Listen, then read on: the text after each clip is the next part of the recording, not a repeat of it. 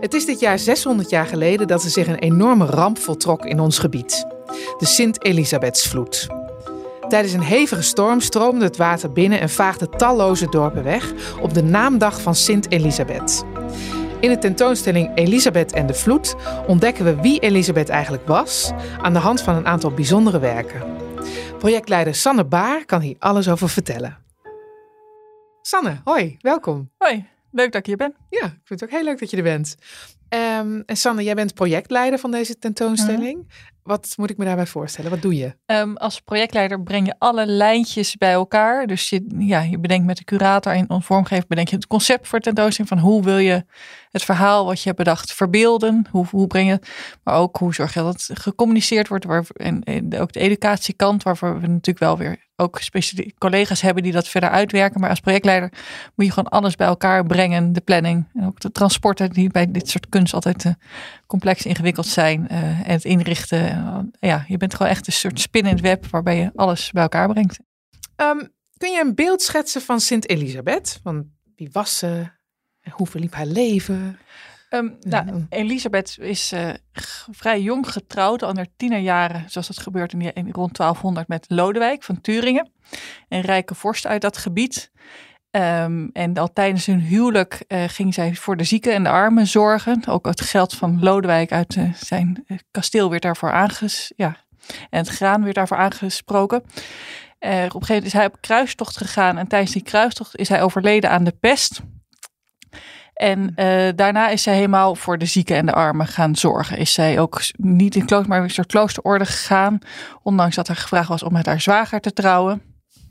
Ze zei nee, vriendelijk uh, bedankt. Nee, vriendelijk bedankt. en is zij uh, uiteindelijk, ze woonde dus met Lodewijk en Turing, is ze naar Marburg gegaan. Een plaats in midden-Duitsland, waar ze, in, ja, waar ze uh, voor de zieken, onder andere een ziekenhuis heeft gesticht. En uiteindelijk is ze op 24-jarige leeftijd aan ja, ver, vermoeidheid en uitputting overleden. Oh, ja. treurig. Heel treurig. Ja. En, en waarom is ze heilig verklaard? Um, nou, omdat ze voor de zieken zorgt, maar ook dus het verhaal gaat dat op het moment dat ze een keer voor die zieken en die armen eten aan wijn aan het geven was, dat ze een kruik had waar maar eind, ook nadat ze dacht dat ze alle wijn op was, dat er toch nog wijn in die kruik zat. Dus dat is het, ja, oh. het, wat bij haar is uh, het wonder. Oh ja, het ja. magische. Het magische wat je, waardoor je heilig ja. kan worden. Wauw. Nou, is ja. goed om te onthouden. en ze leefde twee eeuwen voor deze overstroming mm. in Hongarije. Hè? En waarom is haar naam dan toch zo verbonden geraakt met Dordrecht? De vloed is vernoemd naar haar omdat men al, uh, men zocht altijd naar moment, ja, namen voor zo'n vloed. En heeft waarschijnlijk voor Elisabeth gekozen omdat haar naamdag of haar sterfdag rondom de vloeddatum is. En zij is dus de heilige van de barmhartigheid, van de zorg voor de zieken, voor de vluchtelingen. En uh, zij was wel vrij ja, beroemde heilige in die tijd, omdat ook al vanuit Nederland heel veel mensen naar Marburg, haar sterfplek, gingen op bedevaart. Dus men, ja, men, ja, men heeft bewust, onbewust gewoon voor een bekende heilige gekozen. En zo is zij ver, verbonden met de Elisabethsvloed en met Dordrecht. Wordt ze nu nog vereerd? Uh, zeker, want je hebt heel veel ziekenhuizen die uh, naar haar vernoemd zijn. Denk bijvoorbeeld aan het Elisabeth II Steden ziekenhuis, wat we natuurlijk allemaal kennen uit de coronaperiode in Breda. Je had ook in Haarlem een groot gasthuis naar Elisabeth. In de tentoonstelling zien we een aantal belangrijke panelen waarop de Sint-Elisabethsvloed te zien is. Uh, kun je daar wat meer over vertellen? Ja, dat is een heel bijzonder altaarstuk. Dat is, uh, ja, dus die ramp rond uh, 1421. En toen zijn er heel veel vluchtelingen uit de omliggende dorpen hebben een ja, hel gezocht in, op een plek in Dordrecht. Onder andere de bewoners van Wieldrecht. Hm. En die bewoners van Wieldrecht hebben de, aan het eind, rond 1490, 1495, op een gegeven moment opdracht gegeven om een altaarstuk te laten maken voor de grote kerk van Dordrecht. En als het is een drieluik en op de buitenpanelen, als het altaar dicht is, zie je verbeelding van de ramp. Dus je ziet alle dorpjes, de dijk doorbraken, wat een wereldstafereel is. Wat heel bijzonder is dat je dat op een altaarstuk ziet, want meestal zijn het alleen religieuze dingen. Hm. En op het moment dat je het altaar opent, zag je het leven van Elisabeth, of zie het leven van Elisabeth. Um, en je zag ook een middenpaneel. En dat middenpaneel is op een gegeven moment in de reformatie verloren gegaan.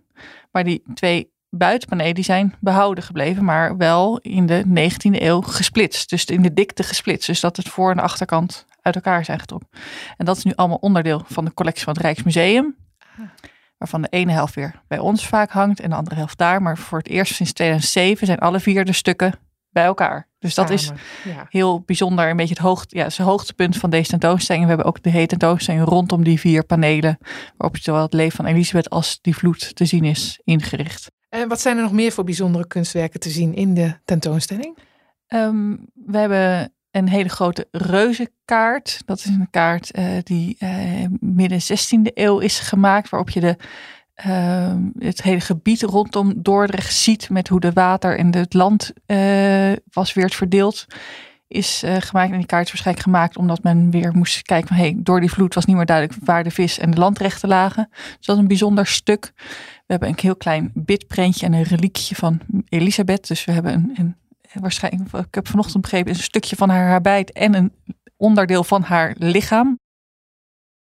Ja, en we hebben nog ook een ander mooi schilderij van het Katerijnenconvent, waar ook weer Elisabeth is verbeeld samen met de engel Gabriel en een mooi beeld van het Katerijnenconvent van Elisabeth.